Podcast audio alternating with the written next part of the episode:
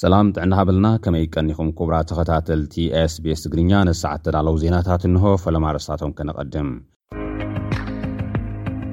ውዕል ፕሪቶርያ ንምዕንቃፍ ሓይልታት ኣምሓራ ብህዝቢ ትግራይ የሳብ ኣለዎ ክብል ግዜያዊ ምሕዳር ትግራይ ከሲሱ ባይቶ ወከልቲ ህዝቢ ኢትዮጵያ ሎሚ ኣዋጅ ህፁፅ እዋን ክልል ኣምሓራ ኣመልኪቱ ክእከብ ምዃኑ ተገሊፁ። ኣብ ቀይሕ ባሕሪ ሓደጋ ከየስዕብ ተሰጊኡ ዝፀንሐ ነዳዲ ከም ዝገዓዘ ተሓቢሩ።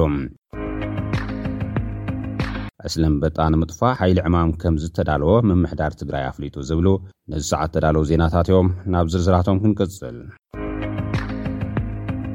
ውዕል ፕሪቶርያ ንምዕንቃፍ ሓይልታት ኣምሓራ ኣብ ህዝቢ ትግራይ ይሳበቡ ኣለዉ ክብል ግዝያዊ ምሕዳር ትግራይ ከሲሱ። ግዝያዊ ምሕዳር ትግራይ ኣብ እዋናዊ ጉዳይ ኣመልኪቱ ዘውጽኦ ጋዜጣዊ መግለጺ፣ ህዝቢ ትግራይ ናይ ኩሉ እዋን ድሌቱ ሰላም ምዃኑን ነዚ ድማ ውዕል ፕሪቶርያ ኣብ ዝተመልኣ መልክዑ ንክትግበር ምስ መንግስቲ ፌደራል ብምቅርራብ ስቓይ ህዝቢ ከብቅዕ ዘኽእሉ ስራሕቲ ንሰርሕ ኣለና ኢሉ'ሎ።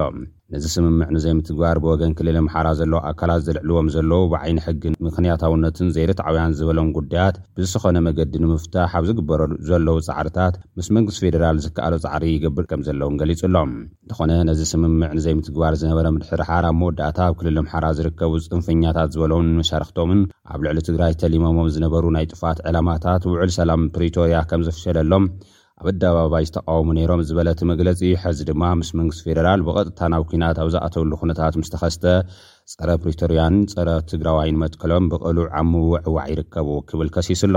እዚ ምንቅስቓስ፣ መራሕቶምን መላፍንቶምን ከምኡ'ውን ዘዋፈርዎም ኣፈኛታት መራኸብቲ ሓፋሽን መራሕቲ ርእዮተ ዓለም ሰራዊት ምክልኻል ኢትዮጵያ ንዝወስዶ ዘሎ ስጉምቲ ቀጥታዊ ተሳትፎ ህወሓት ኣለዎ ዝብል ክሲ ከም ዘቕርቡን እዚ ንዝበጽሖ ከም ዘሎ ስዕረት ኣብ ልዕሊ ህዝቢ ትግራይ ንምስባብ ላዕልን ታሕትን ይብሉ ከም ዘለዉ እውን እቲ መግለፂ ሓቢሩ ኣሎ።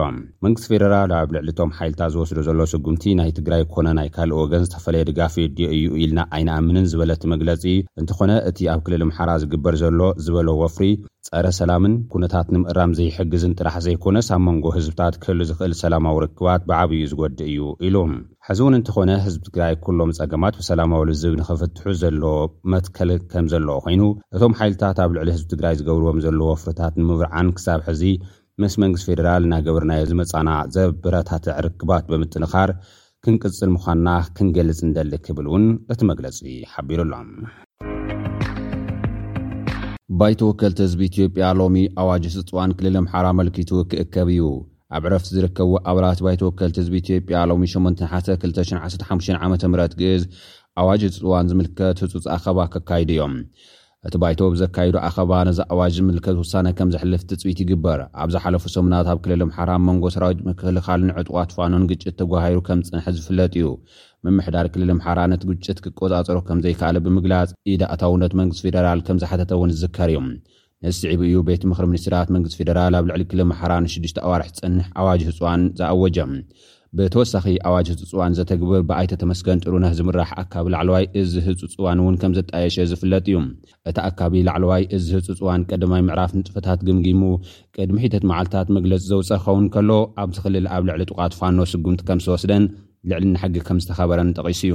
ኣብ ቀንዲ ከተማታት ክልል ኣምሓራ ምንቅስቓሳት ናብ ንቡር ይምለስ ከም ዘሎ ዝሓበረ እቲ መግለጺ፣ ሰላምን ምርግጋእን ንኽሰፍን ኣገዳሲ ዝበሎም ትእዛዛትን ክልከላታትን እውን ከም ዘውጽኣ ዝፍለጥ እዩ። እቲ ንሽዱሽተ ኣዋርሕ ዝጸንሕ ኣዋጅ ኣብዚ ሕጂ እዋን ዘሎ ምምሕያሻት ኩነታት ኣብ ግምት ብምእታው ክሓጽር ወይ እቲ ጸገም እንተዘይተፈቲሑ ድማ ክናዋሕ እዩ ባይቶ ወከልቲ ህዝቢ ኢትዮጵያ ሎማዕንቲ ክውስን ተፀዊዑ ዘሎ።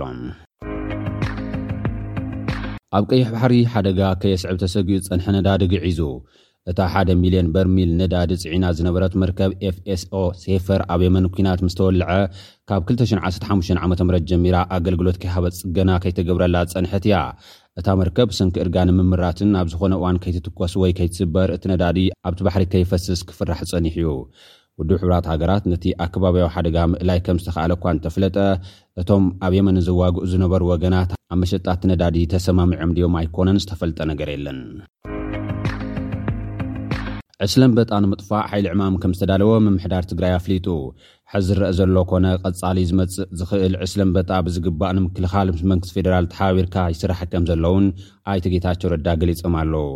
ኣብ ዞባ ምብራቕ፣ ደቡብ ምብራቕን ደቡብ ትግራይን ሓያል ዕስለ ኣንበጣ ከምዘሎ ፕረዚደንት ጌታቸው ረዳ ዝገለፁ ኮይኖም፣ ንጋዜጠኛታት ኣብ ዝሃብዎ መግለፂ ከም ህዝቢ ኣብ ትግራይ ገጢሙ ዘሎ ወራር ኣንበጣ ንምክልኻል ዘኽእል ሓይሊ ዕማም ከምዝተጣየሸ ሓቢሮም ኣለው።